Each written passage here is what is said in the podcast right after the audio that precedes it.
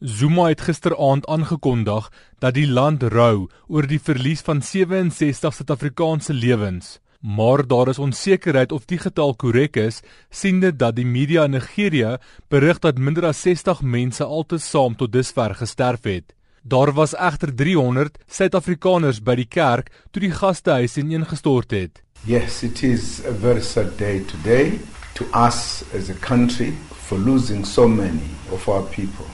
67 so far that have been identified who were part of the church service at Synagogue Church in Nigeria.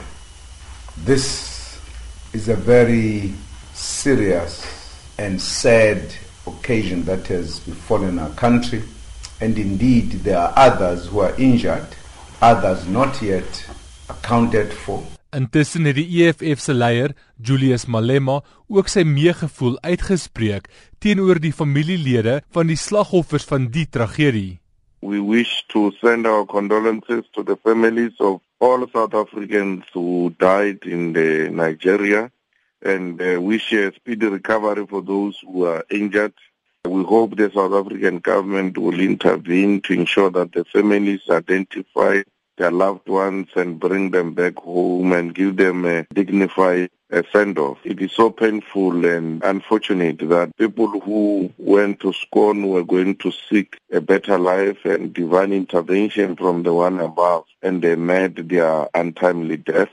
Malema het self al besoek afgelê aan die All Nations Kerk in Lagos, maar hy wou nie hieroor praat nie. I don't think my experience is important now. We're talking about a tragedy that uh, happened and let's leave it there. It's not about Julius Malema. It's about the people who lost their lives and their families. Dit was Julius Malema, die leier van die EFF. Gift of the Givers het gesê hulle word oorval met versoeke van die publiek om na Nigerië te reis om hulp te verleen. Maar die organisasie se stigter, Imtiaz Suleman, sê hulle kan net reageer as hulle soontoe genooi word deur die betrokke land se regering. Ek is Jacques Steenkamp in Johannesburg.